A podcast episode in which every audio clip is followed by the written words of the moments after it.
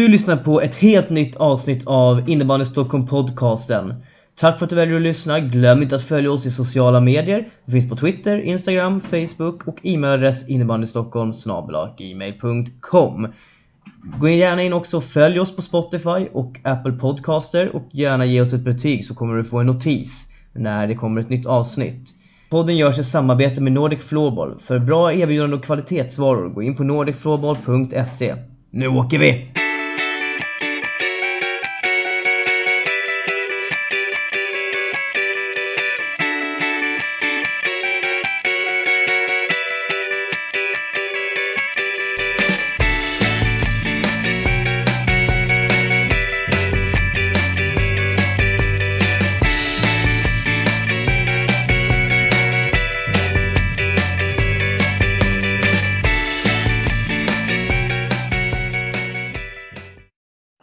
Alla innebandyälskande podcastlyssnare och varmt välkomna till ett nytt avsnitt av Innebandy Stockholm podcasten, avsnitt nummer 11 i ordningen. Förra veckan skämde vi bort er med hela fyra stycken avsnitt med olika tippningar inför serien som började. Just det här avsnittet kommer vi kanske inte gå närmare in på resultaten som var i helgen utan det behåller vi till nästa avsnitt som kommer här under veckan så att ni får ändå två stycken vilket är fortfarande väldigt bra förhoppningsvis.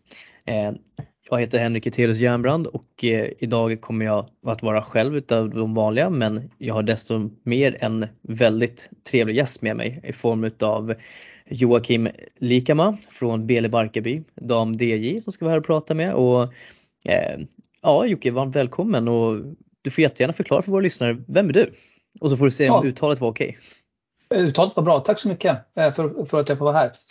Ja, vem är jag? Jag är gammal spelare, eh, uppvuxen i Järfälla där jag håller till nu. Ehm, spelade på elitnivå var många, många år. Ehm, Han med två SM-guld också. Eh, så att, och sen varvade jag ner i Bele och ehm, då blev det naturligt att när barnen växte upp och skulle börja spela innebandy så, så blev det där man liksom började. Så att det är liksom Bele-historien så att säga, varför jag är i Bele. Det är ju spännande. Eh, jag tänkte på, vi kan ju ta den på en gång. Vi har i några avsnitt tidigare pratat lite om det här med föräldratränare och sådär. Om jag, som du, du är själv inne på det, men att du, du började som tränare nu liksom när dina, eh, dina barn började spela och alltså hur har den balansgången fungerat för dig egentligen och hur, hur fungerar det för dig nu? För jag har för mig att du har i alla fall en dotter som fortfarande spelar i, lag, spelar i laget om jag inte missminner mig va? Mm, det stämmer. Jag har ju jag har ett tvillingpar som spelar just nu då. Mm.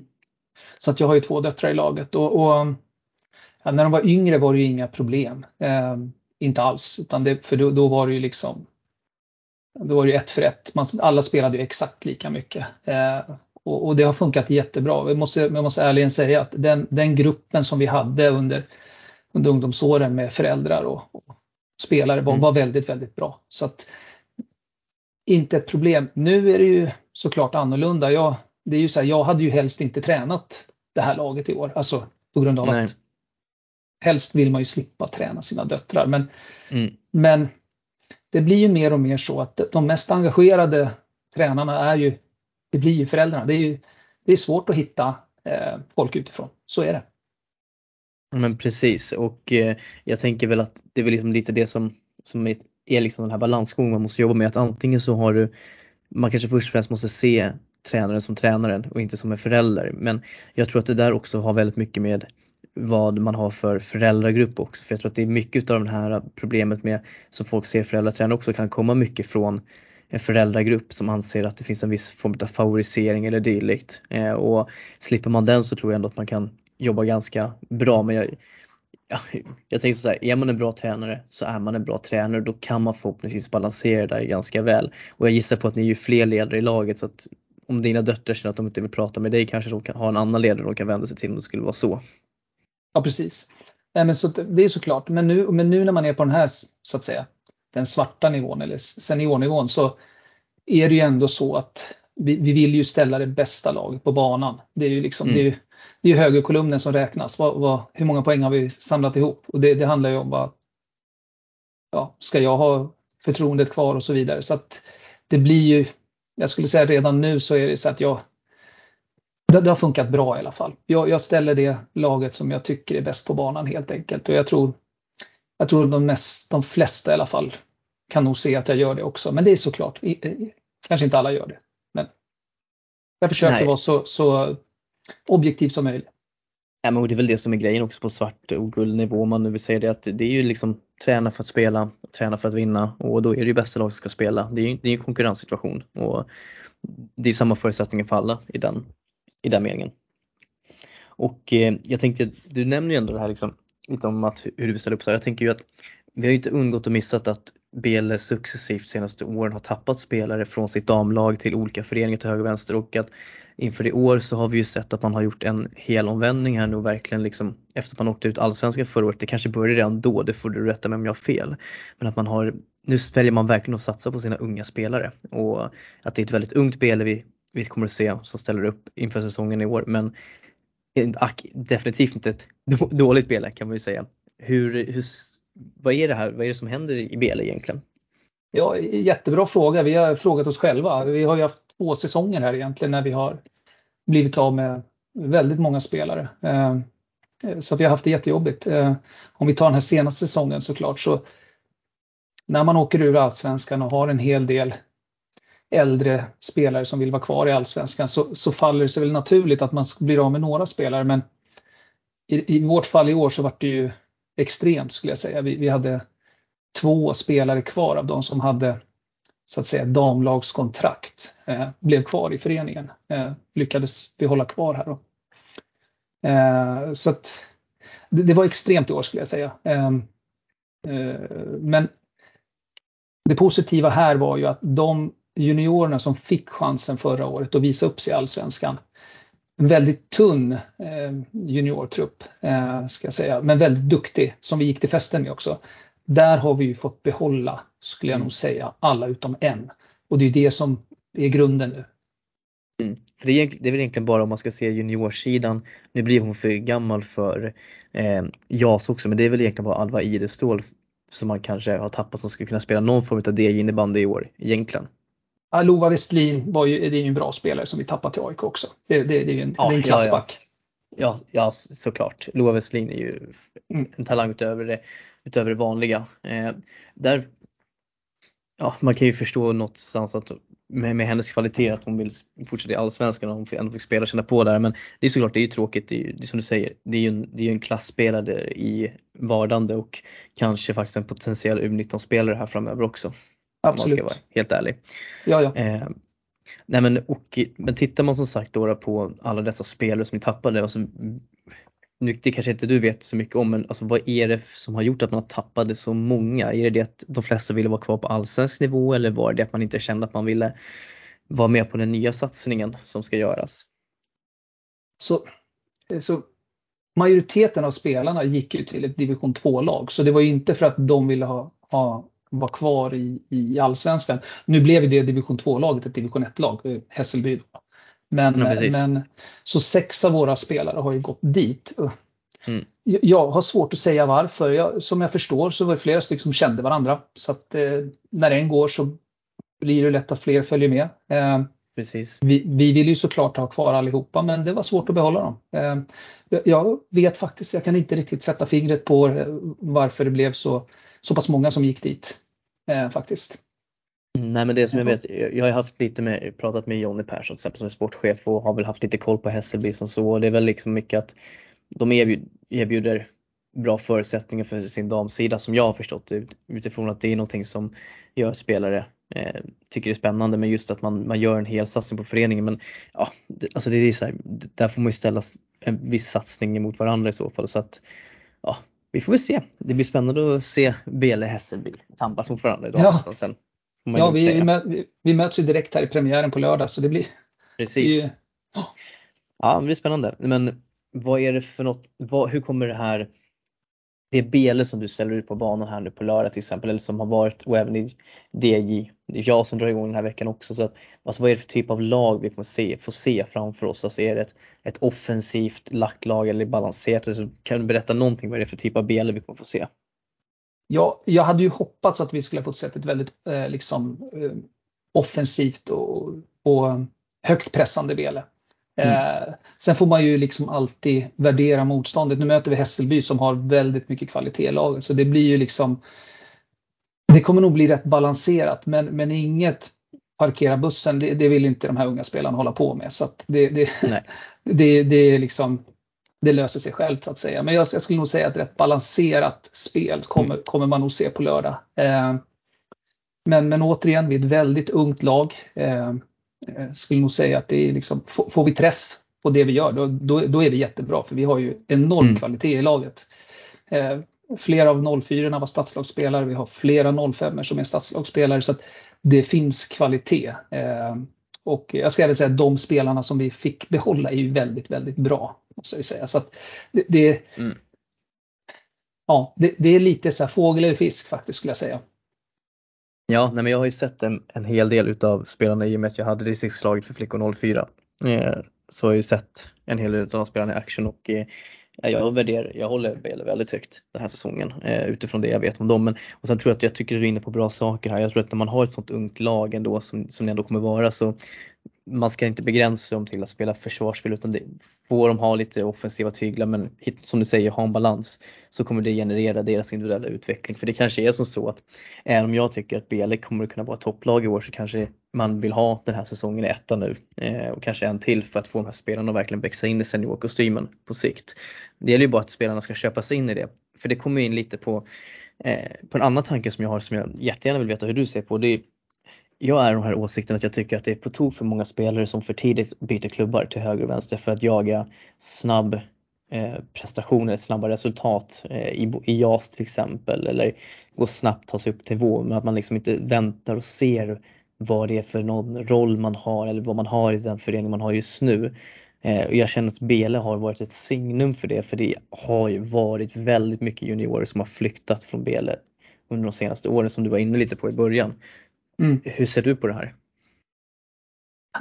Jag, skulle nog till stor del hålla med dig men det är åter så här, jag, jag har svårt att säga vad det skulle kunna bero på. Visst, vi, dels, vi lever väl en mer egoistisk värld skulle jag säga också. Man ser mer till, till sig själv och sin egen utveckling. Det är liksom det är nog svårare att, att bygga grupper nu skulle jag säga. Såklart att det går men, men jag, jag tror att som när, om man går tillbaka när man själv spelade så var det ju liksom, gruppen var väldigt viktig liksom, eh, till stor del. Det var väldigt få liksom, övergångar och att man bytte klubbar. Det, det är liksom rent generellt, det är ju, jag skulle säga inte ens bara på juniorsidan så, där, så det, det, är ju det är en annan verklighet skulle jag säga som, som vi får vänja oss vid. Eh, jag, jag, tycker inte heller om den så jättemycket. Jag tycker att man kan ha mer tålamod i dem i de mm. klubbar man är. För att det blir, liksom, som du säger, nu har vi blivit av med jättemycket spelare. Ja, vad, ska vi, vad ska vi göra då, då? Det är såklart att vi också är och liksom hör efter där och, och liksom drar lite där och liksom ändå hör efter sådär. Som Precis. egentligen skulle, vi skulle inte vilja göra. Jag skulle inte alls vilja hålla på med sånt. Eh, jag skulle mycket se, hellre se att man hade de spelarna med viss övergångar såklart. För det är alltid spelare som mår bättre av att byta föreningar och grupp sådär. Men, men så att Ja, jag, jag håller med dig. Jag, men jag kan inte säga varför det har blivit så. Men, men vi, ser, vi ser ju tendensen att det, det, är det som sker. Min teori har ju varit mycket att vi har fått ett, också ett medielandskap som trycker på ganska mycket. Jag tänker sociala medier. Vi har innebandymagasinet och jag får väl säga oss själva också som till exempel lyfter fram mycket av det här med JAS och ger medieutrymme och sånt där som man ska synas. Ehm, jag tror att det, min, jag tror att det har en hel del i att spela liksom vi syns på ett helt annat sätt tidigare och eh, klubbar får upp ögonen för spelare på ett annat sätt. För det, jag vet att det finns lag och ledare som sitter och rekar sociala medier och allt sånt där för, efter spelare liksom och pratar, ser hur de är och liksom och dylikt och skapa kontakt med dem där. Det finns ju mycket fler ytor för kontaktskapande eh, än vad det fanns förut. Det är en spontan tanke, en teori i alla fall om det hela. Det är nog, det är nog säkert en del av sanningen skulle jag, jag med om. Ja, men precis. Jag, menar, jag sitter ju själv i en sån situation med, med mina tjejer i Tullinge att vi, vi sitter ju på en vad är det, 14 eller 15 spelare i trupp. Eh, kanske skulle behöva få in några till men det är så här. Eh, jag är fortfarande så pass pragmatiskt lagd att jag, jag, jag lyfter de, de där tjejerna underifrån men där vill jag väldigt noga liksom med i min roll som som i det här fallet i podcasten att vi lyfter liksom inte spelare som är under det i ålder just för att jag vill inte att vi ska vara bidragande till att vi ska få ett sånt klimat för de unga spelarna som fortfarande faktiskt är flickor rödspelare eh, utan de ska liksom mm. få ta saken i lugn och ro. Och det tänker jag föranleda för jag skulle jättegärna vilja veta liksom, hur fungerar samarbetet mellan DJ och de spelare som är på röd nivå. Liksom, alltså vad, hur, vad är det för dialoger ni har med de här spelarna, de här ledarna? Liksom, vad är det som krävs för att man ska kunna ta och konkurrera upp på till exempel en JAS-plats och, sen hur ser eran långsiktiga plan ut för en spelare på röd nivå som ska börja slå sig in till DJ och sen kanske eventuellt dam? Nu var det många frågor på, på en gång här. Mm. Jo, jo, men, men ja absolut, men som, som samarbetet ser ut idag um, och, och, som det är lagt för den här säsongen så är det ju sagt så att en, en träning i veckan så har vi eh, så kommer liksom våra rödspelare upp och visar upp sig. Eh, mm. Till stor del kan det vara samma spelare eh, för det, det, det, vi har en, en så att säga en rödfemma som spelar i JAS helt enkelt. Mm. och de är och tränar med oss en gång i veckan. De kan även bli inkallade om, om det är något så att vi behöver en extra spelare. och sen har vi också den träningen så roterar vi också in spelare som inte har fått visa upp sig så många gånger så att vi har liksom mm. hela det här. Eh, sen försöker man ju, det är mer än vad man hinner med ibland, men man försöker väl dyka ner på en rödträning lite då och då för att visa och så står man där och tittar lite också såklart så att man kan titta på spelarna där. Precis. Eh, sen har vi ett jättebra samarbete, eh, tränarna mm. i, i, röd och vi då. Eh, det ska man ju säga att vår DJ-trupp egentligen är ju röd. De ska spela F16 och, och sköta F16 bäst i stan och hela, de ska även sköta DJ1. Den truppen som jag förfogar över den, den sköter D1 och JAS. Den, den kommer inte spela någonting annat. Precis. Så, så att eh, det, det, funkar jättebra. De tränarna är, är jättebra. Vi har dialoger, flera dialoger varje vecka om spelare. Ja, nej, men jag, jag, känner igen upplägget. Vi, vi har väl lite samma, samma sak i Tullinge eh, på det sättet att vi har vår 07 som ska dra vår DJ-serie och så kör vi JASen och sen så är ju typ hela vårt lag involverat i dam B, eller damutveckling eller dam ettan också så att jag känner igen det där mycket men jag tror också att det är jag tror att det är sunt liksom att få den där rotationen som du nämnde om att man är nere och får upp de här spelarna som man får se. Det gör ju att alla får en chans att visa upp sig och konkurrera och det, jag tror att det skapar ett välmående för, för spelare individuellt men också för föreningen. Liksom, att man, man kan säga att det finns, ges möjligheter till spelare hela tiden. Jag tror väl att vi försöker sätta någon typ, någon, någon, någon typ av röd tråd där som ska följa efter ungefär så att hur vi vill att vår organisation ska se ut eh, på, mm. på ungdomssidan och för att ta sig upp hela vägen. Sen är det ju alltså att det ser alltid olika ut varje år. Beroende på precis det vi pratar om, hur många försvann helt plötsligt. Och, men har man liksom en jämn fördelning mellan åldersgrupperna så bör, då blir det enklare. Då kan man ju sätta liksom en, en steg eller vad man ska kalla det på hur det här ska se ut. Eh, men så det, det hoppas jag att, man, att vi kan ha det så i, i framtiden. Och, och, vem vet, med tanke på det som händer ute i Järfälla så kanske vi har en sån framtid framför oss. Ja men precis. Eh, lite, det kan vi kan ju passa på att fråga dig också, men hur, hur, ser, du, hur ser du på den här eh, eventuella sammanslagningen av Bele och Järfälla? Jag är väldigt positiv till det. Jag, jag alltid, alltså, om man backar längre tillbaka ska jag nog säga att sen, sen Spiders tappade liksom sin alltså efter Spiders storhetstid på här sidan skulle jag säga att man, redan då skulle man ha kanske ha gjort någonting för att ha varit en elitklubb. Men mm. idag efter ja, pandemin, eh, licenssituationer, eh, sponsorer. Eh, jag, skulle, jag skulle säga att det, det, är, det är nog nästan ett måste skulle jag säga. För, för att vi ska liksom kunna vara kvar på, på den nivån vi är. Och också kunna bedriva en ordentlig verksamhet genom att slå ihop organisationerna. Jag är väldigt positiv till det. Jag hoppas att, att det går igenom. Vi rullar på och jag tänkte att eh, medan vi pratar lite relationer så eh, jag är väldigt intresserad av att veta liksom hur, hur du ser på den här eh, nord, relationen i norr-västerort. Man kan slå ihop det mellan Bele, Täby, Ackers, Hässelby och Järfälla. Alltså, vi har pratat väldigt mycket Bele, eh, Hässelby och Järfälla men som jag upplever så kanske ni har haft väldigt mycket med, med Täby och Ackers gör mycket spelare som har rullat mellan lagen där och ni har väl turats om lite och konkurrera om tronen där borta på norra eller man får väl säga att ni ligger på lite norra sidan av stan. Ja, det kan vi göra. Mm.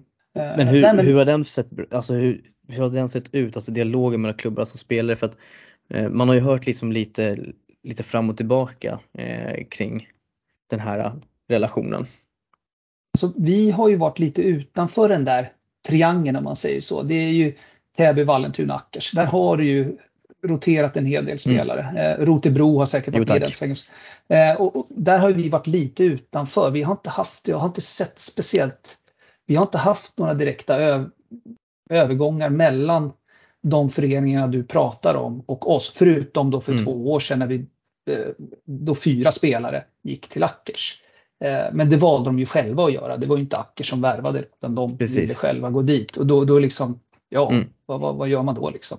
Så att jag skulle nog säga... Nej, man, man kan ju inte hindra spelare som vill Nej, flytta, nej, liksom. Det är ju inte, det, är inte det som är vårt nej, nej. syfte. Och, och, och, jag skulle säga att det försämrade inte relationen mellan oss och Ackers på något sätt. Eh, alltså nej. tjejer gör ju som de vill, eller spelare gör som de vill. Så att vi har ju varit utanför den där triangeln där. Så att vi har inte haft liksom, det har ju mer varit på den sportsliga nivån. Vi har ju Täby har ju alltid varit starka. De har ju på DI-nivå allt jag skulle säga nu, de, de har ju fortfarande ett litet försprång på oss. Jag hoppas att vi ska kunna gå ikapp och förbi den här säsongen, men de har ju mm. alltid varit snäppet bättre.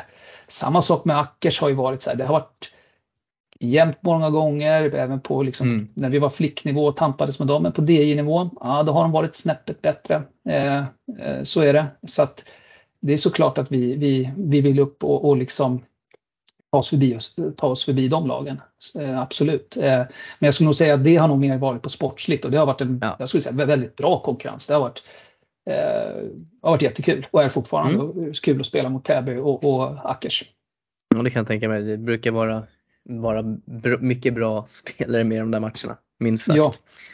Eh, jag tänker på eh, ska vi se, jag hade, hade en, jätte, en jättebra fråga här som jag tänkte på. Just ja, eh, förra året så skulle ni möta Aksh i playoff eh, där till innebandyfesten.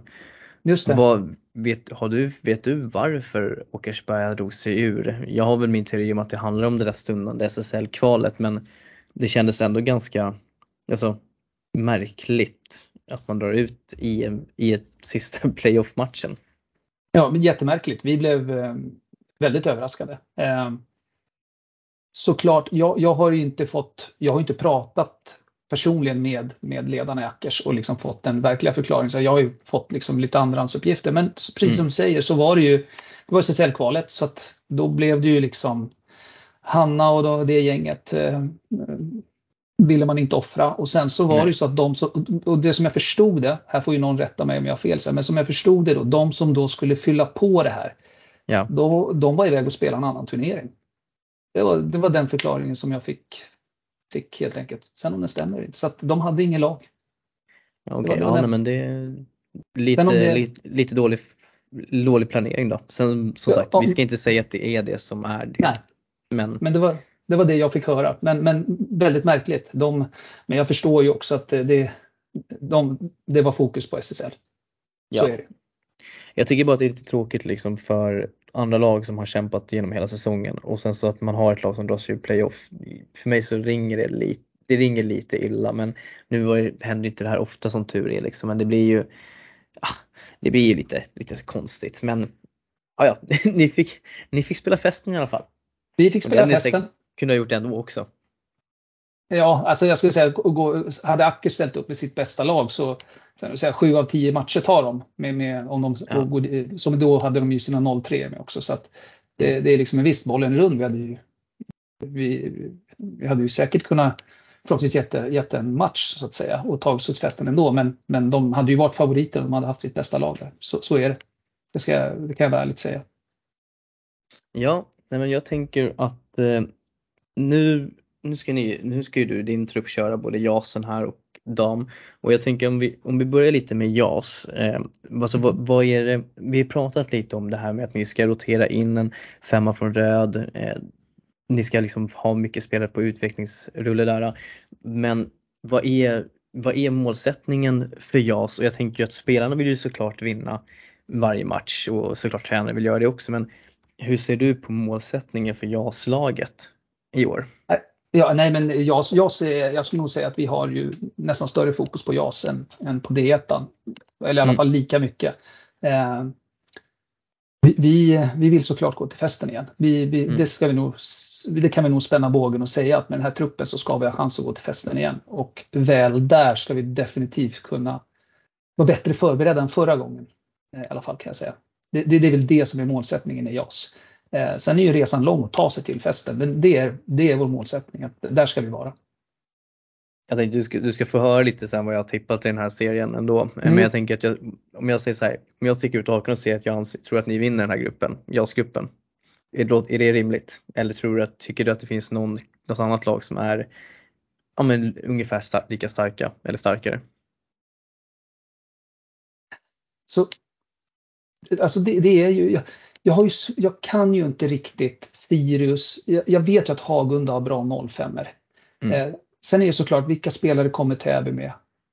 Ackers, ja jag vet inte men äh, absolut. Jag, jag, ja, absolut kan jag se oss vinna den här gruppen. Ja, nej men alltså jag, jag, jag, jag kommer in på det lite längre sen själva serien men jag tänker just när jag tittar på er trupp, alltså jag tycker att ni har Alltså jag tycker ni har en jättebra balans i truppen med olika spelartyper. Ni har en bra centersida. Eh, jag är ju svag för till exempel Isabel Meyer och Juliet Wallenfjord. Jag tog ju ut dem i distriktslaget av en anledning. Eh, mm. Och eh, det är ju två superspelare men sen har liksom ja, en tjej som Nia Nilsson, gick till Åkersberga där, kom tillbaka sen till Bele, tycker jag fick en bra utväxling. Det är också en sån spelare som verkligen kan växa.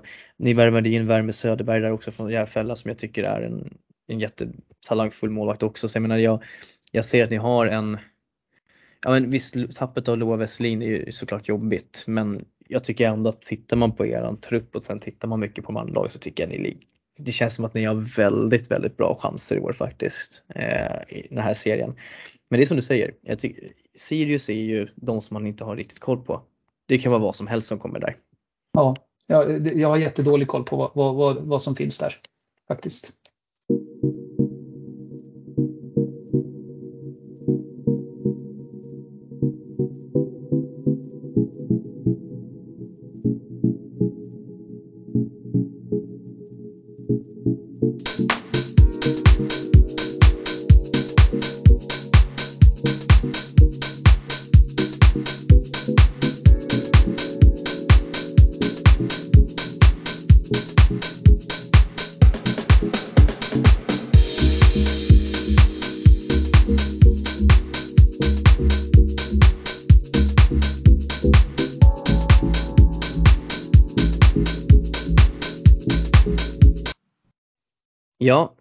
jag tänker att eh, vi för in oss lite på, nu började vi prata om den här säsongen som kommer så jag tänker att vi rullar in på det segmentet helt enkelt eh, mm. från nu och jag tänker att vi kan väl börja i DM, eh, distriktsmästerskapshållet där, bäst i stan och att vi, mm. om vi börjar med DJ som var första helgen så eh, ni hamnade ju i en, det vart ju en trelagsgrupp där till slut eh, och ja egentligen så var det väl bara på förhand Ekerö som man såg som kanske, eller som jag såg i alla fall som utmanare men ni eh, löste den där gruppen ganska, ganska enkelt. Hur, hur såg du på gruppspelet egentligen? Ja alltså vi, vi, vi började mot Rotebro eh, och som du sa på förhand, när man tittade på pappret så, så var det det svagaste laget och sen, sen den matchen de spelade mot oss så eh, då, då, då, var de typ nio spelare, tio spelare, så det säger inte så jättemycket. Alltså, mm, eh, den prestationen, visst det är en bra prestation och liksom, och, och, vinna med så många mål som vi gör, att vi håller liksom, fokus och gör det vi ska så att säga. Eh, men, men Rotebro dagen efter mot Ekerö såg ju genast mycket bättre ut för då var de ju 15 spelare. Så att det, det, liksom, mm. det, det var liksom, det, det, var in, jag, jag, vet inte riktigt hur jag, skulle, hur jag ska liksom betygsätta den insatsen sådär. Självklart kul att vi gör mål för det, det, det, är någonting som vi behöver förbättra den här säsongen. Så det var ju bra av den anledningen. Ja men precis. Jag eh. tänkte den här matchen mot Ekerö, jag är ju jättenyfiken. Nu var jag inte, kunde jag se matchen själv för jag hade ju DM själv. Men mm. eh, alltså hur, hur var den matchen? Resultatet har jag ju sett liksom och jag vet ju att mm. ni har fått in eh, två eller tre därifrån, det från det laget också. Eh, hur, men hur var matchen egentligen?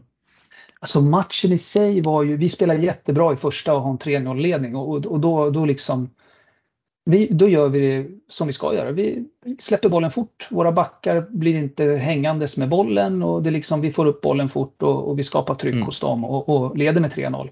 Men sen är ju så här, Ekerö, Ekerö är bra och framförallt mm. det som jag gillar med Ekerö det är att de liksom, börjar man liksom minsta lilla kladda lite med bollen, då är de där.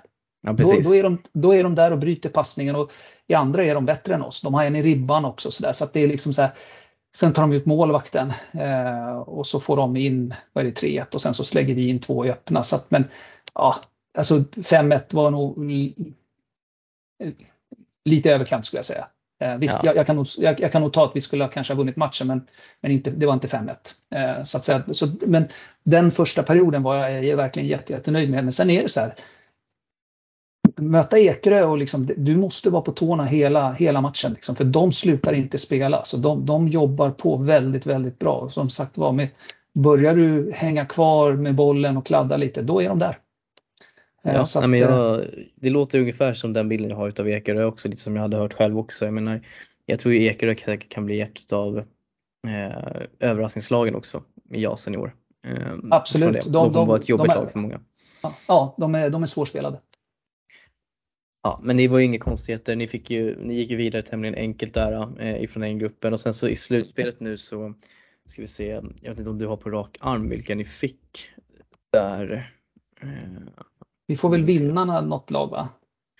Ja just det, ni blir en av de bästa gruppettorna så ni gick ju direkt till kvartsfinal där för att ett par lag drog sig ur så att eh, ni fick det lite skönare mm. än oss andra.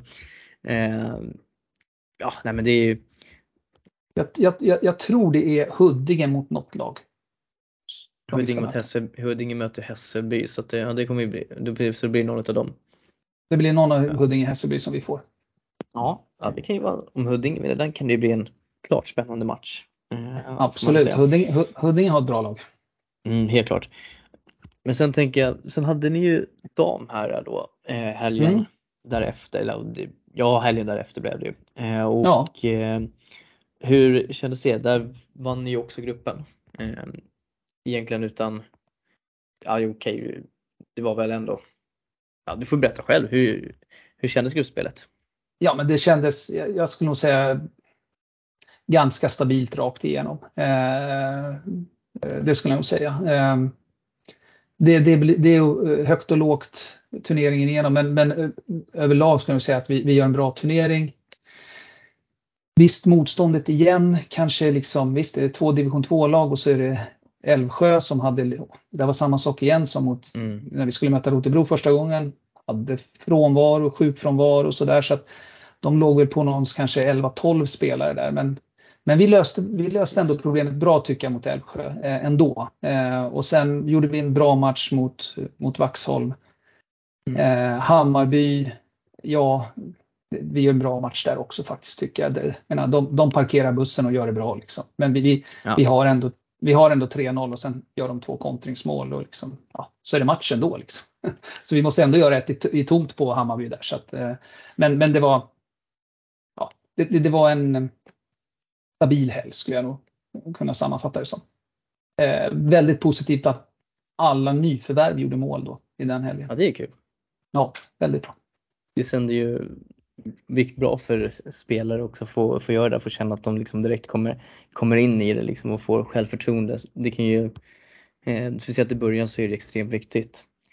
Eh, och eh, ni blev ju en av de bättre gruppettorna så att då fick ni ju också slutspelslottningen Täby, deras allsvenska lag. Eh, de som mm. ni bytte plats med egentligen får Just det. väl säga. Eh, och eh, jag har ju på förhand när vi pratade om de här lite sagt att det här kan det här blir en av de mest intressanta matcherna för jag tror att ni det är helt öppet tror jag i den här matchen. Alltså Täby har ju sina 03 där som är kanske stommen och sen några extra kryddade spelare. Men jag tror ändå att ni, ni har ett skrälläge där, helt klart. Jo, men jag, jag håller nog med dig. Eh, jag, jag ska nog se Täby som ändå som favoriter. Liksom. Ja, de, det, det, ska de vara. Men eh, och, ja, det, vi har ju mött många av de där spelarna förut och gjort jämna matcher och, och, och sådär. Så att absolut, jag eh, håller med dig. Eh, lite favorit, favoritskap på Täby, men vi kan definitivt skrälla där. Jag, jag blev jätteglad när jag såg lottningen för att eh, Täby är ett roligt lag att spela mot. Det kommer bli jätteroligt. Och, och det blir alltid bra matcher mot Täby. Och, och, och eh, jag tycker väl ändå att det är ett, ett lag som ett spelande lag som det, det, det, det, blir en bra match. Jag tror att det kan kanske passa oss lite grann eh, och vi kan skrälla lite där. Så jag håller med. Och kort resväg som att det är hemmamatch.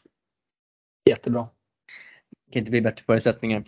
Nej. Jag tänkte så här att innan vi fortsätter så ska jag vika in med lite lyssnarfrågor som vi har. Vi har ju fått haft folk som ska ställa lite frågor som vi ska ställa till dig här i podden.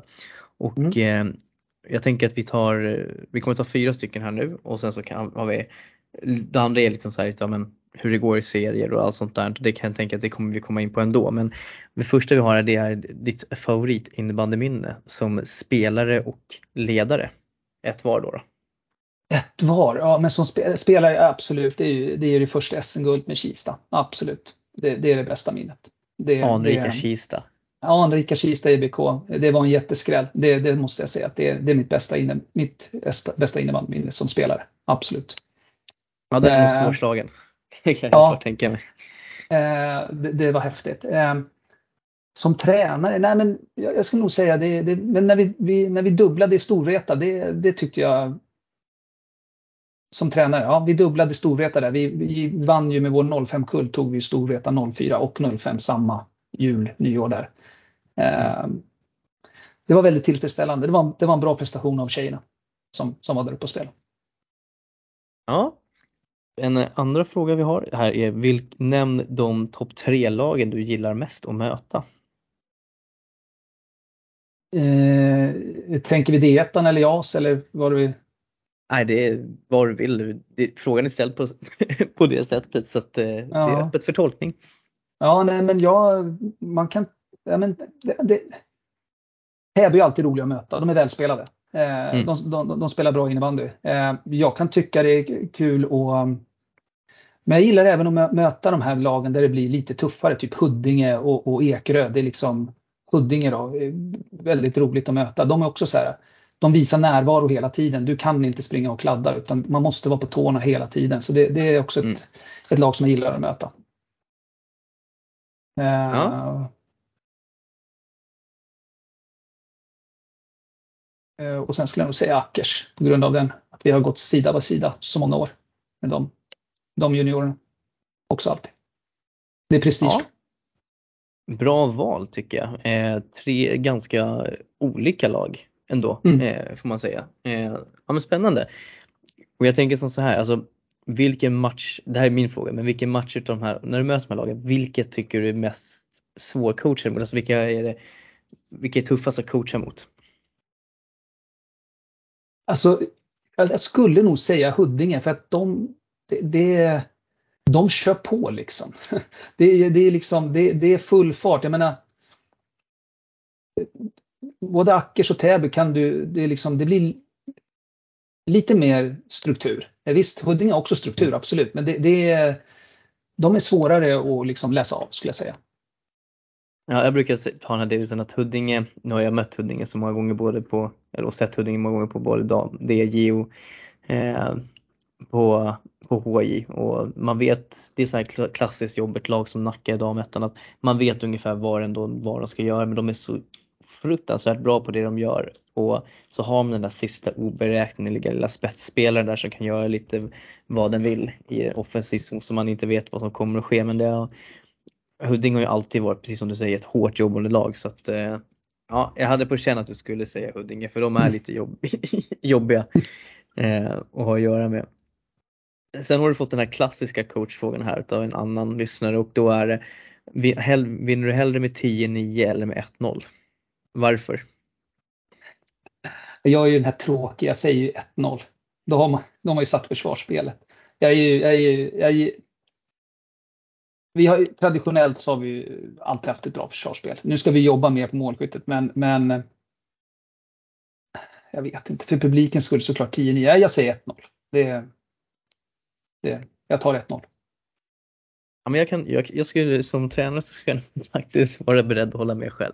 Det är mycket skönare när det sitter ett bra försvarsspel och förhoppningsvis en väldigt nöjd målvakt också. Då har vi stärkt självförtroende ja. på den spelaren också. För att, eftersom att målvakt ändå är den mest utsatta positionen i spelet så är det, är det bara bra om de kan få hålla nolla, tänker jag, för självförtroendet också. Så slipper man dra gråa håret bort för att försvaret rämnar, släpper nio mål. Um, Sen så har vi då sista, vad är det för segermusik efter match? Oj, eh, jag, eh, jag är ju så tråkig så jag kör ju genomgången, sen försvinner jag ut så jag, jag, jag missar ju den här segermusiken hela tiden. Eh, så jag, jag har inget bra svar där faktiskt. Eh, eh, jag, svaret är jag har ingen bra, jag har ingen segermusik. Eh, vad tjejerna har det vet jag faktiskt inte. Lyckligt ovetande. Ja, ungefär så skulle jag säga, ja. Och det, jag tar faktiskt en fråga till för det var lite inne på det här ämnet. Det var, vad har du för ritualer innan match? Jag, jag personligen har massvis med ritualer. Eh, jag har så många så att jag knappt kommer ihåg dem. Eh, eh, men, men det handlar allt om till vilka strumpor jag har på mig, till i vilken ordning vi jag ställer ner väskan i tränarrummet och så vidare. Men sen har man de här vanliga ritualerna med, med såklart, de är viktiga att sätta med laget. Hur, hur vi liksom mm. eh, promenad, genomgång, uppvärmningsövningar, samma sak hela tiden. Det är ju extremt viktigt. Det är ju mycket viktigare än vad man tror. Att man, att man sätter de, eh, de ritualerna och att man har det i sig. Men, men mina personliga är ju, ja, det, det kan vara, jag, har jag har många. Ja, jag började faktiskt aldrig reflektera där förrän första, mitt första distriktslags-SM när jag körde som jag körde med Morten Storm där. Han är ju en sån som, ja, jag ska inte ens börja alltså, men det, det var så här, det måste vara rätt kläder varje match, samma rutiner för mm. varje match, gå runt arenan, aldrig kolla uppvärmning och sånt där. Och jag, jag hade ju en sån där match där vi, jag kände att ja, men, det var så här morgon, trött morgonmatch liksom och så och så bytte jag, hade jag inte chinos på mig på en match, för jag hade vunnit alla matcher innan. Och så tog jag på mig mjukisbrallorna liksom. Det, är ju, det får man ju inte ha som tränare egentligen i båset men jag körde det. Ja, då, då fick vi oavgjort på den matchen. Så ja, då, fick man ju, då fick man ju höra det. Du tar ta med tusan aldrig på de där brallorna igen. Nej. så då var det bara. Så att nu är man ju men, inne där, aldrig med mjukisbyxor på match, det, det får inte nej. hända. Liksom. Du ser, jag har ju en, en den, den som är mest synlig är väl egentligen, jag står alltid med, med en papperslapp som jag har som jag har mina uppställningar på. Och den, så, länge jag, så, länge jag inte, så länge jag vinner så byter jag inte den papperslappen. Då, liksom, då viker jag undan och så skriver jag nästa på andra sidan. Och det, ja, har det gått bra så är den väldigt, då finns det inte mycket kvar att skriva på den lappen. ja men eh, den var ändå ganska, ganska spännande. Nu får ni mm. hålla utkik på, på det när ni möter Jocke för att se om man har vikt lappen mycket eller inte. En helt ny papperslapp eller om jag står med en gammal papperslapp, precis. Ja men precis. Ja men det var, det var spännande ändå. Men eh, jag tänker det var några frågor så får vi se vad vi hinner med sen framledes. Eh, men jag tänker att eh, vi tar lite paus för lyssnarna och så återkommer vi snart.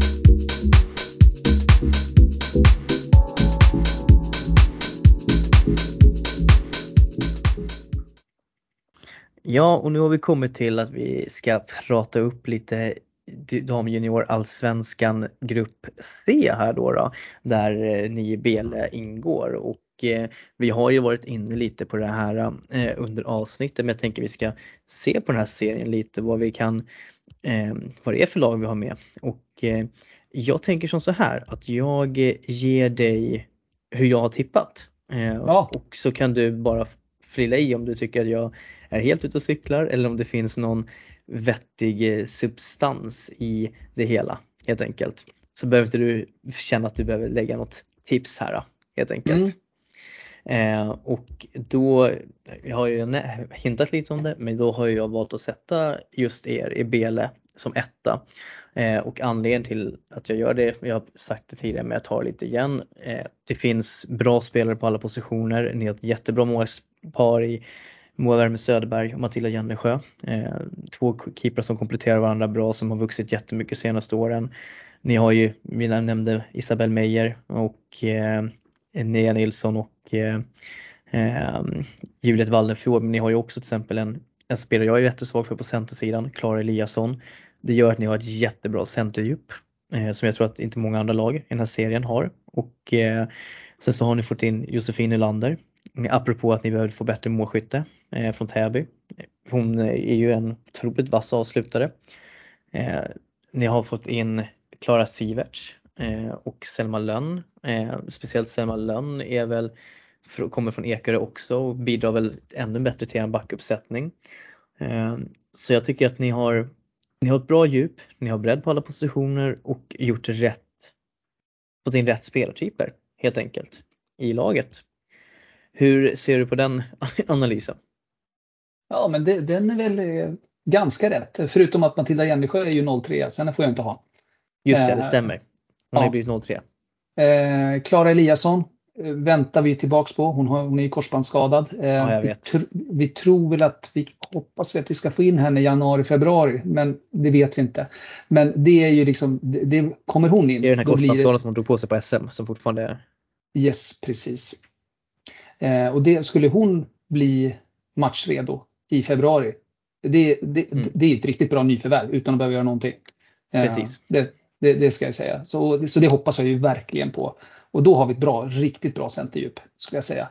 Eh, sen skulle jag nog lägga till att vi, vi Miranda eh, valde att komma till oss från Hässelby, eh, också center, ja, det, vilket gör, som gör oss ännu bättre på, på mm. centersidan. Även Ellen Fashi som eh, på forwardsidan för att förbättra vårt målskytte. Sen håller jag med om Josefin Nylander. Hon har varit stekhet här på, under DM-helgerna och på det vi har gjort. Eh, så att mm. exakt den profilen som vi ville ha in. Eh, att hon valde att komma hit. Eh, hon, hon, är ju en del av de här Sollentuna-tjejerna, alltså de som spelade Töjnan för länge sedan. Eh, vi, har ju, vi har ju majoriteten av Töjnan-tjejerna här. Klara Eliasson är delvis en av dem.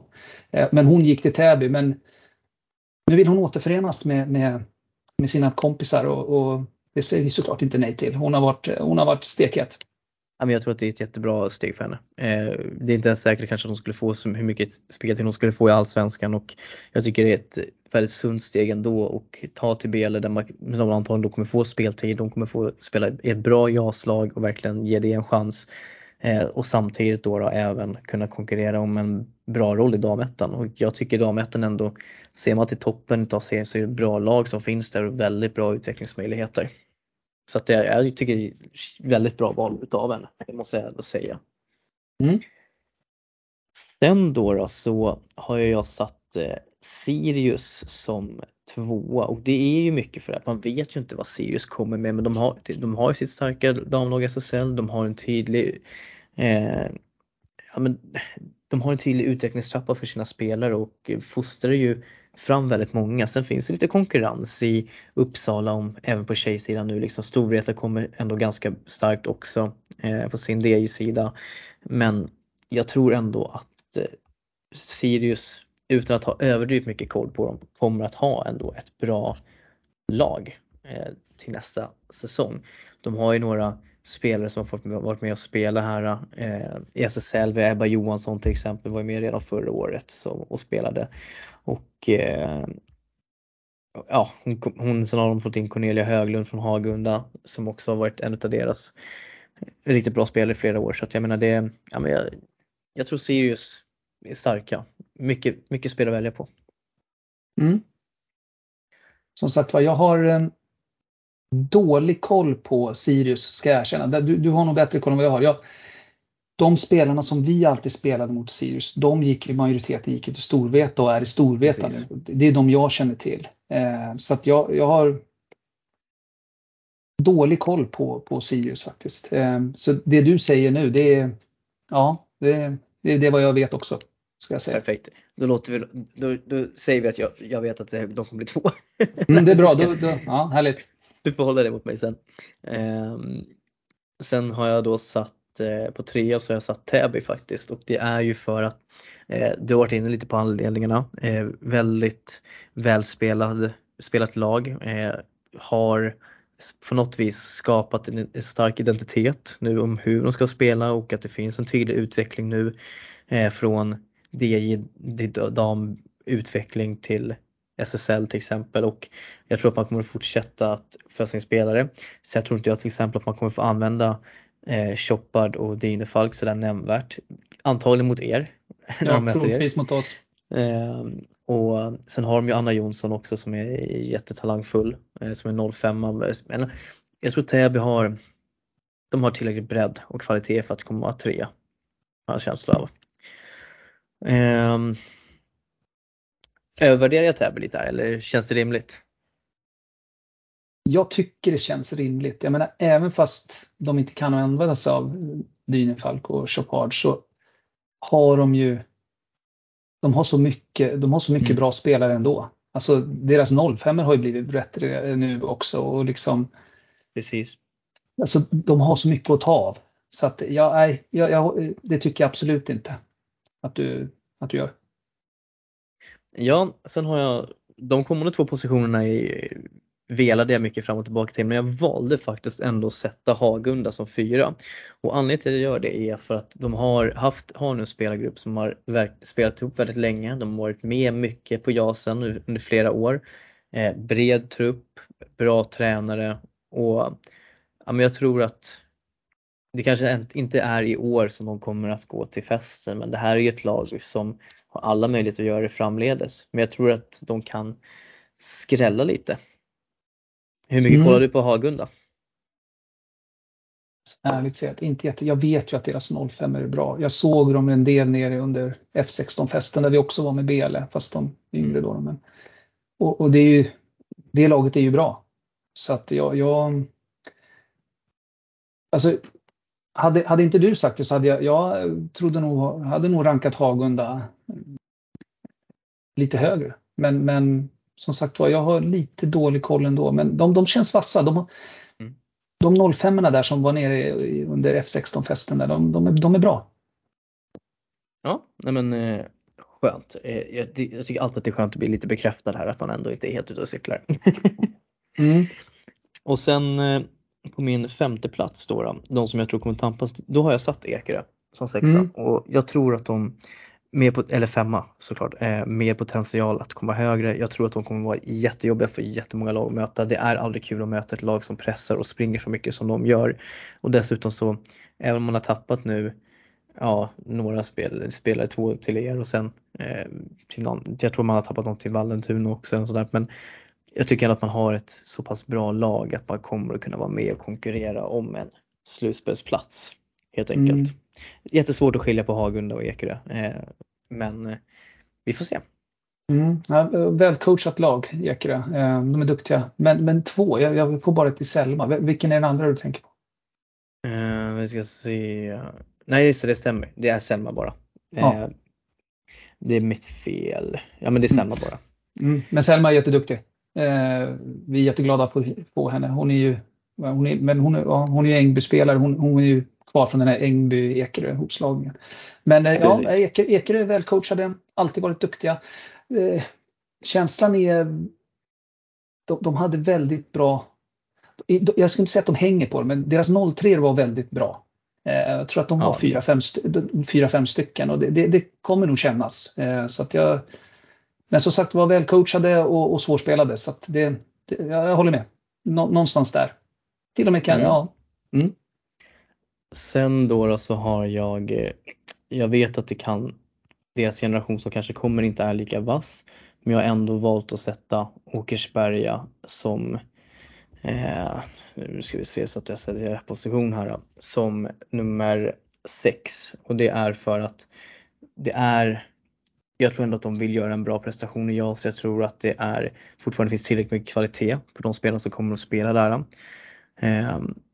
Och att det ändå räcker för att ja, komma sexa. Nu kanske inte det är en jätterolig placering med Åkersberga mått men jag tror att nu när man har fokuserat mycket på att lyfta sina juniorer upp på högre nivåer så blir det ju lätt så att eh, de här 04 nu som har legat så kanske ska vara stommen många gånger kanske har flyttat då, då eh, och sen eh, till andra klubbar för att få möjlighet på seniorspel. Jag är inte riktigt 100% säker hur DJ-situationen ser ut på Ackers om jag ska veta. De drog sig ur våran DM-grupp också så att men eh, vill de så tror jag att en sjätteplats är högst rimligt för dem. Mm. Alltså, jag, jag, tror att jag, jag, har sett den här kullen, den här 07-kullen som ska vara stommen där. De, de är, man ska inte underskatta dem. De, det är mycket innebandy i dem. Eh, de mm. kommer bli bra. Precis. Sen då, då på plats nummer sju så har jag satt Vallentuna, eh, IBK och sen Frej och eh, det är ju också ett lag som har, gör sin andra säsong tillsammans nu eh, som ihopsatt lag och eh, kommer väl, tror jag kommer att göra en bättre prestation i år än vad man gjorde förra säsongen nu när man har fått haft ett år att jobba sig in. Sen vet jag, okej, okay, man har ett par 03 som inte får spela till exempel och som ändå var ganska viktiga för dem förra säsongen men eh, jag tror ändå att de kan göra en helt okej okay säsong i år. Mm. Jag, eh, måste, där måste, jag har faktiskt ingen koll alls där. På de, på de spelarna i det laget, måste jag erkänna. Nej, alltså det, det, det är så här, de går ju lite under radarn. Det är ju inte det lag som man kanske har med koll på i första läget. Eh, det jag vet är att jag tror att det var de som vann det här Pantamera Fair Play-priset också eh, förra säsongen. Men ja, vi får väl se. Det blir en ny bekantskap egentligen. Mm, ja, vi, vi har ju dem i premiären så det ska bli kul att se vad det är för något. Mm. Sen då, då på plats nummer, ska vi se så jag säger rätt här nu, plats nummer åtta så har jag valt att sätta de här Vaxhala och Björklinge. Och det mm. gör jag egentligen bara för att jag har noll koll på det här laget. Men mm. jag tror, det är ett Uppsala-lag. Uppland brukar ändå vara hyfsat, det brukar vara hyfsat bra spelare. Eh, jag vet att Björkling ändå jobbar, har ju sin har ju sina spelare där ute, ligger en bit ut från central Uppsala så att de har säkert ett bra upptagningsområde där också. Eh, men jag sätter dem som åtta just för att jag har mött Rotebro och jag har sett dem och jag är inte imponerad av Rotebro. Alltså, de, det här är deras år där de ska komma in första gången i Asa nu och se och lära tror jag. Eh, det kommer vara en tuff säsong för dem och jag, därför så sätter jag dem nia. Eh, för jag tror att Vaxhall och Björkling är lite, jag tror de kommer vara bättre än Rotebro. Mm. De kanske till och med är årets skräll. Jag har ingen aning om dem men mm. och eftersom jag inte kan dem så får de utgå från en lägre position och jobba sig upp. Mm. Ja, men jag, jag, håller nog med dig om de placeringarna. Vi, vi mötte ju Vaksala här på försäsongen i en cup uh, ute i Salem. Uh, det, var, det var det första vi gjorde. Jag tror vi hade haft en eller två träningar innan. Vi, jag kan inte så mycket om vår prestation och då mötte vi dem. Jag tror att vi, vi vann med några bollar. De, Ja, är det samma lag så, om de inte saknar några spelare så skulle jag nog hålla med om din, den här tippningen. Ja, skönt. Men då, ni tappade ju, Hässelby har ju dragit sig ur eh, så mm. ni är ju bara nio lag i den gruppen helt enkelt. Ehm, så att eh, bra, då har vi lagt över favoritskapet nu på Bele. Det känns, mm. det, det tackar ni säkert för också. Absolut. Eh, det tar vi gärna emot. Kul, men eh, jag tänker som så här att vi, eh, vi tar damettan på en gång mm. så kör vi lite, lite samma upplägg helt enkelt. Mm. Får flika in med, med kommentarer där du känner att det är nödgas helt enkelt. Mm.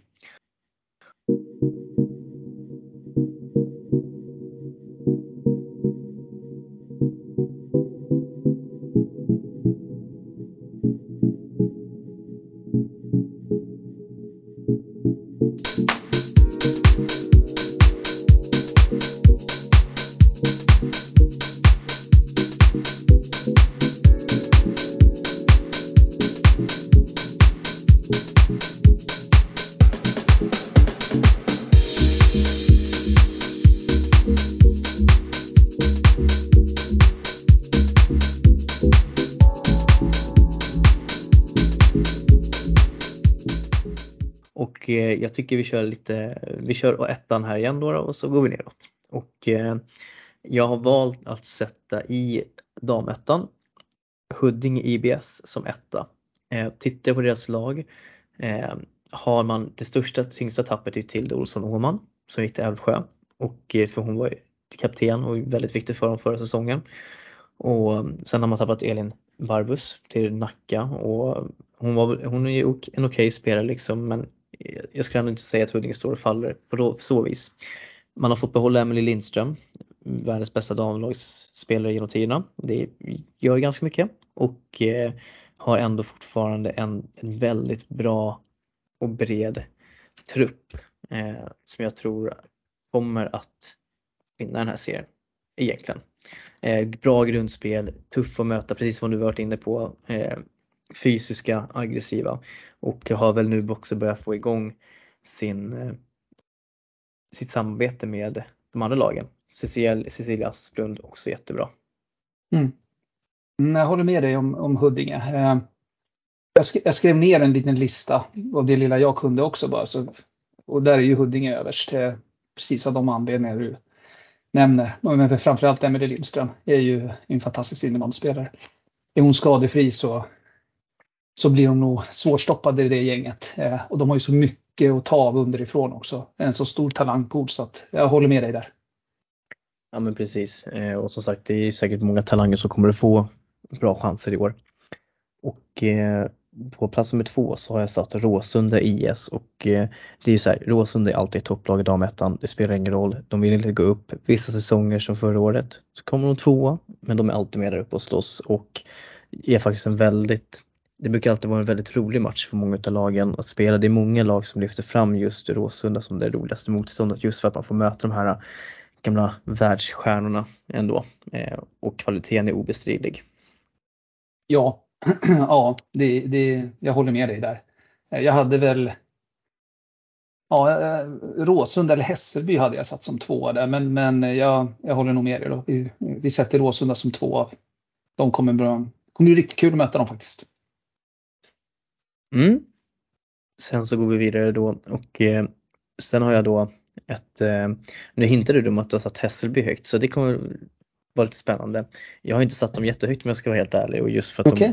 de fick eh, komma upp från tvåan. Eh, men jag har i alla fall satt, eh, jag har tre lag som jag har satt i ett segment här som alla kan sluta mellan 3, 4, 5 och eh, då har jag satt som trea, då har jag satt Tullinge trea och det gör jag för att nu har man haft många av sina unga spelare förra säsongen som fick lära sig i den här serien. Jag tycker att den serien har blivit lite svagare kanske i år än förra år, säsongen när Täby och, när Täby och AIK har försvunnit. Man har värvat in Alexandra Wenska från Hammarby nu. Man har fått in eh, Frida Nyqvist från Älvsjö och Malin Siver från Älvsjö, vilket är tre väldigt, väldigt dugliga spelare på den här nivån. Eh, och eh, dessutom så har man ju man, man har bredd i laget egentligen eh, och jag tror att man i år kan sitta sig med på en toppstrid helt enkelt. Men du hade satt Hässelby där som trea gissar jag på. Ja, ja, det här är ju, det är ju, jag huserar ju norr om stan. Eh, du huserar söder om stan. Ja, du har ju Precis. mycket bättre koll på Tullinge.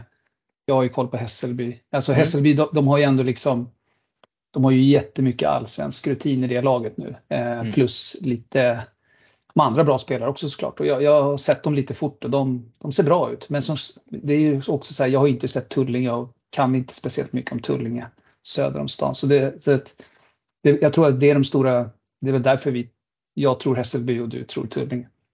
Mm, ja men precis. Um, spännande får vi se som när jag bara satt Hässelby. Mm. um, då, men på fjärde plats så har jag satt eh, Eri Bele och det är för att tittar man på den truppen ni har eh, ändå eh, så tycker jag fortfarande att den är så pass bra att den kommer kunna konkurrera högt upp i den här damettan-serien. Eh, och eh, jag tänker att jag behöver inte gå in för mycket mer på, på spelare hit och dit utan jag konstaterar bara att ni har en bra trupp eh, och att den är konkurrenskraftig i, för en topp 3 placering i alla fall. Okej, ja, det, var, det var um, kul att höra. Jag måste säga att jag har eh, jag är riktigt nervös faktiskt. Jag, jag vet inte var riktigt var vi kommer hamna med den här truppen, men jag hoppas att jag, jag om, om, jag får, om jag får ta en topp tre placering så tar jag den alla dagar i veckan. Liksom. Absolut. Mm. Så att, eh, men vi får se. Men, men kul. Eh, fyra då? Ja. ja. Mm. Nej, men det, jag tänker att det är, alltså när jag tittar på de här lagen, och det är ju en del eh, söderortslag till exempel också och eh, så ser jag till exempel att Nacka vet man inte vad man får. Det kan vara jättebra och jättedåligt ena sekunden. Älvsjö också svår, där hur mycket spelare har de till match? Eh, vilka spelare får de behålla? Vilka spelare ska spela, kommer gå upp och konkurrera med dam A? Eh, Hammarby tappar typ allt, nästan höll jag på att säga, med väldigt stora delar av sitt lag. Jag tror att ni ligger bra till och jag tror ni konkurrerar då med, då har jag satt Rotebro som femma eh, i huvudsak och det är ju, även om de har tappat sin bästa spelare för säsongen, Caroline Eriksson till AIK, så är det fortfarande ett fullt dugligt lag, hade ett tufft bäst i stan, eh, men ett kollektiv som är otroligt jobbigt att möta. Eh, så att Rotebro är min femma helt enkelt. Mm. Ja, det är väl lite den känslan jag har också om, om Rotebro. Eh, nu tappade de ju sin bästa spelare men, men annars ska de väl vara rätt intakta så att jag hade väl räknat med dem. I mitt mm. tips, ja, ja, någonstans där, där vi är också. Det, det blir nog jämnt, jämnt skägg mellan oss skulle jag tro. Hoppas jag. Ja, och eh, då kommer jag till min sjätte plats och där har jag satt Hässelby. Mm. Eh, och eh, du var inne på det, eh, bra värvningar, eh, mycket rutin, eh, spelar också med Hässelby som ändå har varit i Hässelby tidigare någon vända. jag tänker speciellt på Klara Thulin då och Jennifer Hallander, Hallander eller Jo det är Hallander, inte Hålander. Mm. som gjorde när Jennifer var senast där i Hässelby så gjorde hon en jättebra säsong och det var den som tog henne till BL mm. eh, och allsvenskan och Klara Thulin är ju bara klassspelare rakt igenom på den här nivån så att det eh, precis som du säger, man har en bra mix, man har, man har en ny satsning där precis som ni gör, man började redan förra säsongen och eh, eh, åkte ju ner eh, från damettan men, ja, men jag tycker de hör hemma i den här serien och jag tror att de kommer göra en mycket, mycket bättre säsong i år än förra året med de nyförvärv de har och den planen som finns eh, i laget idag. Mm. Eh, sen som sjua har jag satt eh, Nacka, då IBK och det är ju för att jag eh, Nacke, jag nämnde det förut, Nacke är så här, man vet precis vad de ska göra men lik förbannat så är de så jäkla jobbiga att möta och få det. Det är mycket energi i det laget och de kan gå från att slå de som ligger etta till att torska mot de som ligger sist helt plötsligt. Liksom, man vet inte vad man får dem. Men ser man över en hel säsong så kommer de att vara ett av de där lagen som, som ligger i mitten ändå, tror jag. Mm. Ja, de, de möttes ju här under DM, Nacka och Hässelby. Nacka vann väl med uddamålet om jag inte kommer ihåg fel. Så att jag missade tyvärr den. Mm, missade tyvärr den matchen. Så att, men ja, man ska inte gå för mycket på resultat, men det känns väl som att ja, då, då, då, de är väl jämnstarka där. Ja, och jag tror att det som är det som man ska vara väldigt klart för sig som är viktigt ändå när man tar in i bäststånd det är ju är 2 gånger 20 ehm, mm. Det gör ganska mycket skillnad att spela 2 gånger 20 och 3 gånger 20 ändå. Eh, just jag tänker i form av fysisk status och eh, belastning och allt vad det innebär. Eh, och sen vet jag att Nacka har tappat några av sina spelare till lite andra föreningar liksom, men det, det finns kvalitet där i också. Jag vet att Raquel Andersson till exempel har varit på radarn för väldigt många lag och gå dit. De har ju Hanna Berg också som är, skulle kunna spela SSL om hon eh, ville och han hade motivation att göra det. Så det finns lite kvalitet att ta på där, helt klart. Mm. Eh, sen har jag på plats nummer sju har jag satt Älvsjö då, då. och eh, jag tycker ändå att Älvsjö, det, det, finns någonting bra där. Får de ha sina spelare och sin grund som de ska ha i damettan så tror jag att det kan bli, eh, kan de göra en bättre säsong än vad de gjorde förra säsongen när de precis höll sig kvar. Men eh, jag sätter väl dem där lite för att jag, jag, tror mer på dem att de har en mer långsiktig plan till exempel och är etablerade i den här serien nu. Helt enkelt. Mm. Alltså, jag har ju, nu, nu, kommer vi till den här södersidan där jag har mm. väldigt dålig koll. Alltså, på södersidan det är ju, det är ju Huddinge som jag har koll på och, och Sköndal. Eh, mm. Sköndal har ju också varit ett lag som vi alltid har tampats med och som, som jag gillar. Gillar tränaren Precis. där, gillar, gillar hans spelsfilosofi och de, de kör på liksom. Så att, så, så, att de här lagen, Älvsjö och, och de här som du nackade, jag har dålig koll, det måste jag säga. Ja, nej men det, och det är inte det är därför som det är så bra att du kan komma här och sen berätta mer om de här lagen för då kommer jag till min åtta och då är Ja, jag ber om, ber om ursäkt. Det varit lite teknologistrul eh, med min röst som försvann och dylikt när vi höll på med inspelningen av damettan tips och här. Så jag tänker att vi helt enkelt fortsätter. Ja, och eh, på, eller på åttonde plats eh, så har jag satt Sköndals IK. Sköndal, nykomlingar i division 1 efter att ha vunnit, kommit två i division 2 bakom Djurgården. Eh, var väl aldrig riktigt hotade om den där eh, platsen men eh, tog sig igenom kvalet och nu är tillbaka i ettan. Tycker väl att de har någonting väldigt bra på gång. Många unga utvecklingsbara spelare som är redo att ta ytterligare kliv och eh, jobbat upp långsiktigt. Bra coach, eh, bra bredd, ett aggressivt försvarsspel som man kommer att jobba med. Så jag tror att Sköndal kan definitivt överraska eh, kommande säsong. På plats nummer 9 har jag valt att sätta Hammarby IF IBF. Eh, ramlade ner från allsvenskan, tappat många spelare, tunga spelare. Eh, gjorde en okej okay, eh, helg i DM enligt Joakim då. då. Och eh, jag hade väl satt Bayern lägre ner från början men kände ändå att jag efter, efter att ha gjort en mer noggrann analys av Hammarbys trupp och eh, hur det ser ut så väljer jag att sätta dem lite högre än vad jag kanske hade tänkt från början. Men Hammarby får komma in på nionde plats och har egentligen allting att vinna. Eh, ser jag. Man har ny, spännande nyförvärv. Hanna Adamsson Lårby som var där på dubbellicens förra säsongen. Eh, kommer vara jättebra damspelare. Man har fått in Josefin Svensson från Huddinge, 05 i kassen. Talang, eh, full målvakt som kan utvecklas på sikt, vilket kommer vara jättebra för dem. Sen har vi Ida, man har tappat Ida Torbjörn såklart. Det är ett tungt tapp. Hur mycket kommer Tyra Muller Nord att spela? Eh, det här är ju viktiga världsspelare. Jag vill också ge ett litet eh, höj, varningsfinger för Annabelle Jonsson. En eh, bra back som kan driva bollen, bra tempo, fysisk. Eh, hon kan verkligen göra en fin säsong i damettan i år. Eh, på min tionde plats så har jag satt Älvsjö AIK. Och, även om jag gillar Åsa Sjöberg och eh, Dels så är man ju osäker på vilka typer av trupp man kommer att kunna ha eh, som kommer att kunna konkurrera. Hur många spelare har behövt gå upp till, till det damallsvenska laget. Men på det sättet så är det fortfarande ett bra lag, många duktiga juniorer som kommer vara där och leverera och jag tror ändå att eh, det kommer att räcka för att hålla sig kvar i damettan. Men genom ett kval då. då. Sen på, på min elfte plats har jag satt Djurgården eh, som vann sin damtvåan och det är väl kanske märkligt att sätta dem under Sköndal. Jag gillar ändå att Djurgården satsar på sitt damlag och dylikt och eh, jag tror att de kommer att hålla sig kvar i år. Jag ser att det är ett lag eh, det är inget dåligt lag men kanske inte något, ett lag som har den här riktiga, riktiga spetsen som kanske behövs. Och, eh, jag tror att de kommer att kunna få det eh, de kommer att ha det tufft i år men jag tror att de kommer klara sig kvar och sen växa utav det och göra en bättre andra säsong. Och på 12 plats har jag då satt Vallentuna IBK. Bra gruppspelare bäst i stan. Eh, men det är så att det är 2 gånger 20 mycket kan hinna och hända på det. Många unga spelare, par vassa, eh, rutinerade spelare också. Spännande mix men jag tror att det här är en, det är en tuff serie och jag tror att de kanske kommer att få lite svårare här nu sett att det är längre matcher.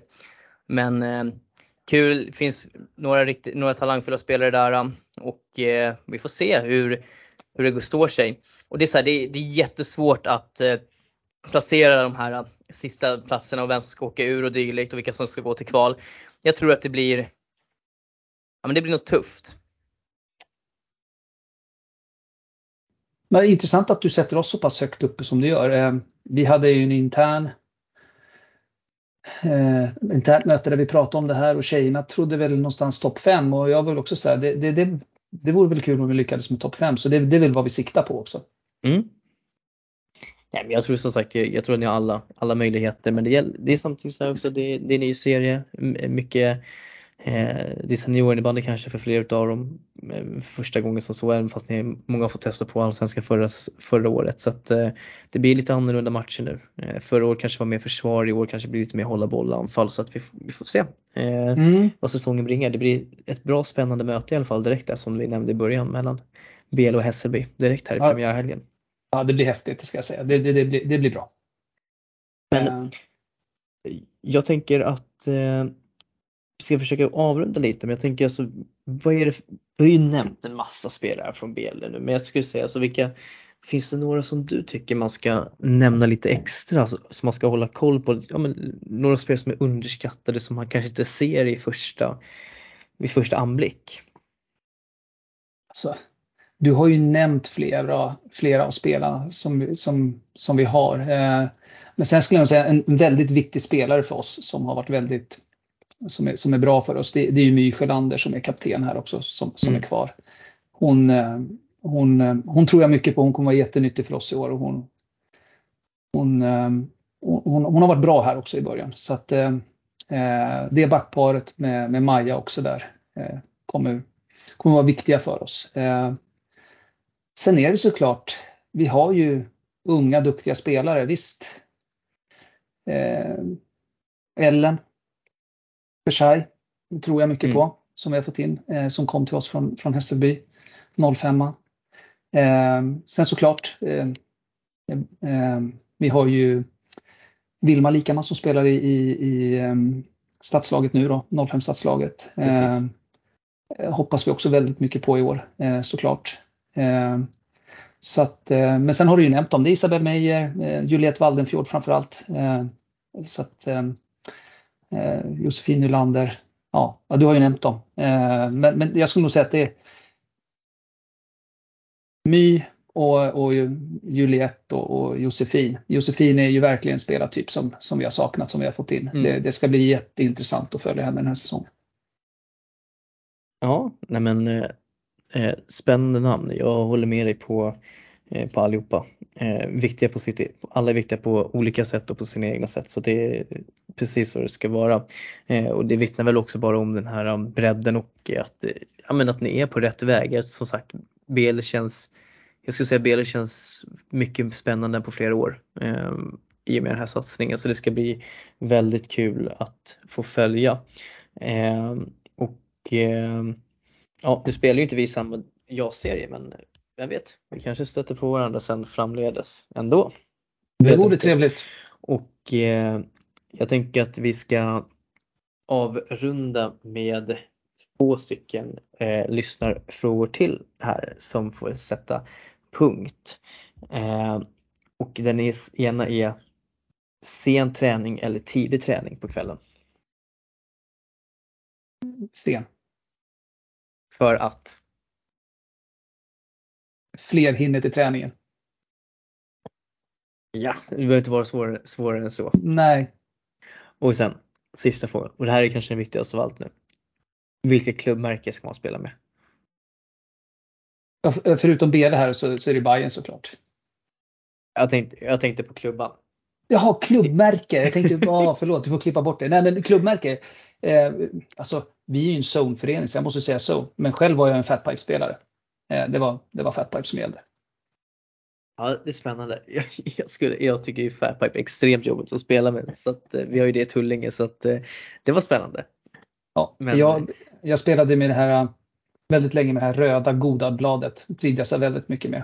Eh, och sen tog de bort ja, det. Så, fick man, ja, och sen så blev det ju rå. Eh, nu vet jag inte vilka blad Precis. det är. Jag har inte spelat på länge med, men, själv är jag en Fatpipe-spelare. Ja men fan det, det ska ändå hyllas tycker jag. Det är inte många som, eh, som outar att de är, älskar Fatpipe. så att, alltså. mm. ja, men jag, jag, har, jag vet ju att mina, mina spelare i Tullinge tycker ju ja, nej, vi ska inte bryta något sponsoravtal här nu. Nej. Men eh, Zone eh, går alltid hem.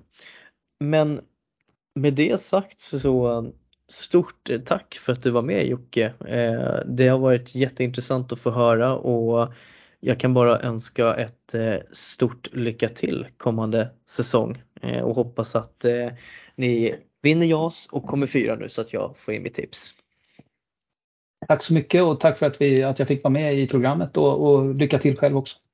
Ja, vi tackar Jocke så mycket för att han var med på och pratade upp eh, damettan, DJ och Bele och eh, vi är inte riktigt klara än där utan eh, vi har även en tippning eller som jag har gjort här nu för DJAs grupp D och eh, den kommer här innan avsnittet är slut.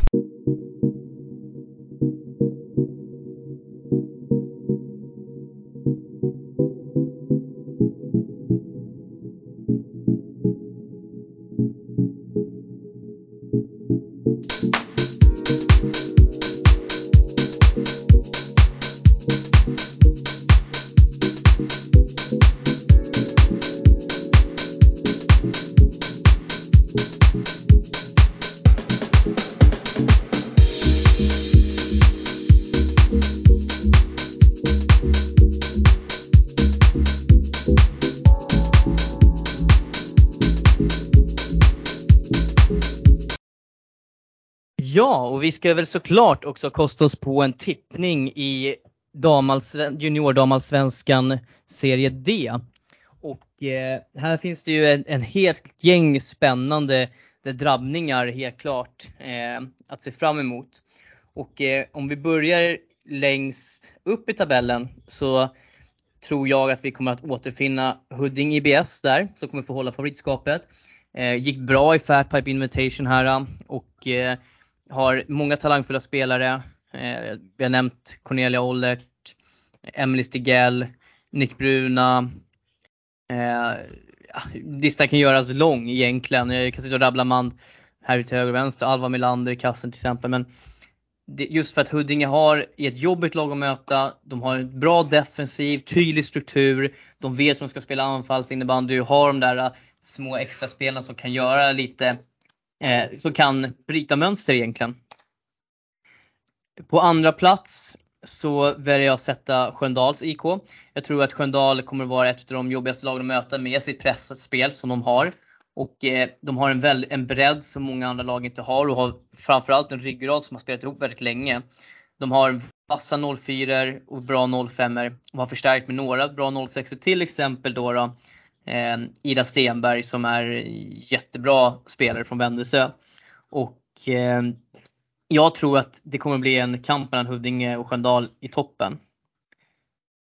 Sen så väljer jag, måste jag ändå välja att sätta Tullinge Eh, och ja, på pappret, nu blir det som att nu är jag tränare för dem så att man får väl se det hur, hur man vill. Men min objektiva åskådning är i alla fall att det finns kvalitet att utmana i toppen. Det finns en bra, vi har bra spets. Eh, kan, helt okej okay bredd. En, kanske en av seriens bästa målvakter eh, längst bak.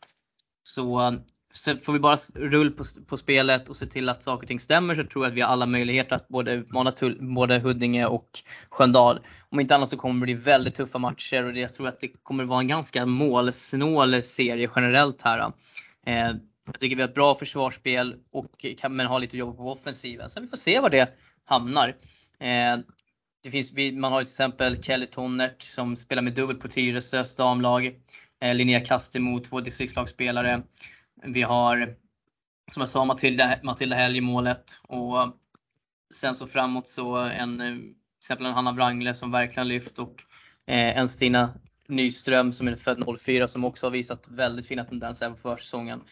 Men i grund och botten så, jag tycker att det, det är bra och ett brett lag helt enkelt. Och även om man rabblar massor med namn så kommer det här, ja men det kommer vara, det kommer vara kul att kolla på oss. Förhoppningsvis. På fjärde plats då, då så sätter jag faktiskt en eh, liten eh, skrällvarning för Tyresö Trollbäcken. Eh, Eh, mötte dem i träningsmatch här ganska nyligen och jag tror att de kommer vara jättejobbiga med sin fart. Det är ett lag som springer väldigt mycket, de har bra backar som vågar driva upp spelet, framförallt så har de en bra, avslut, bra avslutare. Vera Eriksson kör med damlaget i år och kommer säkert ha en jättefin utveckling där i damallsvenskan. De fick in Felicia Silvernäs från Vändelsö som är en riktig sniper och som kan göra mål från vilket läge som helst på banan egentligen. Rebecka Johansson vart ju lite överraskande. Eh, ratade i distriktslaget men är ju en kvalitetsspelare såklart också. Eh, men jag vill ändå hylla laget, alltså laget Tyresö. Som, så att, eh, nej, jag tror att det här kan bli, det kan bli bra år för eh, Tyresö. Svara. Ja, och på femte plats då, då så har jag valt att sätta Helge. Eh, och det här kan ju då tyckas vara ett, eh, eh vara en liten, vara lite okej, okay, hmm, hur tänker man här? Och sanningen är egentligen att eh, Telge har tappat mycket av sina spelare. Stark stomme på 03 och som jag har förstått det så ska de här drivande 04 vara med och konkurrera med damlaget på Allsvenskan i huvudsak och att då att JASen någonstans har blivit nedprioriterad. Och eh, ska man se på laget i sig så absolut, det här är ett lag som kanske ska gå till, till slutspel. Men, eh, ja, men jag, jag, tror, de har haft ett lite tunga resultat här på försäsongen och eh, så vi får väl se helt enkelt vad, eh, vad Telge kommer med. Jag tror att eh, eh Alltså Telge är ett bra lag, de kommer att vara med och konkurrera oavsett vad. Men just att, här, att man inte riktigt vet vad är det för Telge vi kommer att få se gör att jag tycker att det är svårt att placera dem högre upp än så. Eh, annars så spelar Stina Hög till exempel, är ju en klass, klassspelare på JAS, inga konstigheter. Eh, Saga Andersson som är ny, som kom i Telge förra året eh, från Huddinge, också väldigt bra. Eh, så att det här är ju spelare som kommer att vara ganska drivande och man har till exempel en Olivia Nilsson eh, som också eh, kommer att stå i mål, som är klart eh, helt okej. Okay. Man har fått in Emmy Lyckman från Älvsjö som också tidigare spelat i Tullinge bland annat. Eh, så att eh, ja, nej men det, vi, vi, får se vad det är för eh, Helge som kommer att komma. Helt enkelt.